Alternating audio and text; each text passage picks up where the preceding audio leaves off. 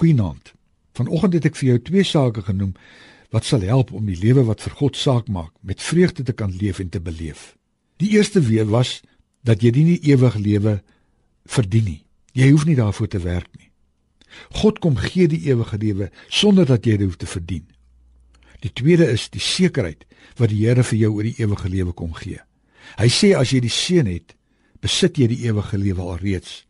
Vanaand het ek vir jou nog goeie nuus oor die lewe wat vir God saak maak. Die goeie nuus is dat die lewe wat hy vir jou kom gee en waaroor jy volkome seker kan wees, nie beperk is nie.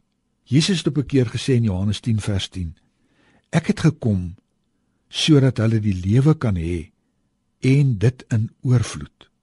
Ons kry baie keer 'n aanbod van 'n bank of 'n besigheid wat vir ons baie aantreklik lyk.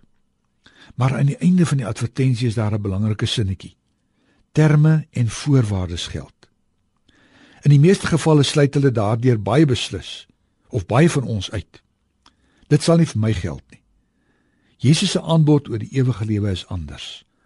Hy sê ek kom gee die ewige lewe sonder verdienste. Ek kom gee dit verseker en ek kom gee dit in oorvloed.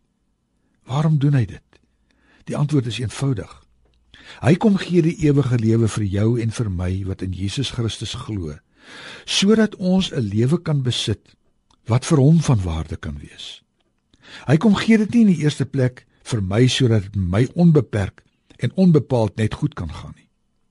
Hy kom gee vir my die ewige lewe sodat ek by sy koninkryk se behoeftes kan inpas. My ewige lewe maak sy koninkryk al meer sigbaar in die wêreld.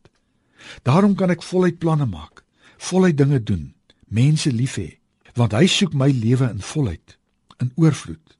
Leef jou lewe vandag voluit. Leef dit in oorvloed. Jesus kom gee die lewe wat vir hom saak maak in oorvloed, want ons leef dit vir hom.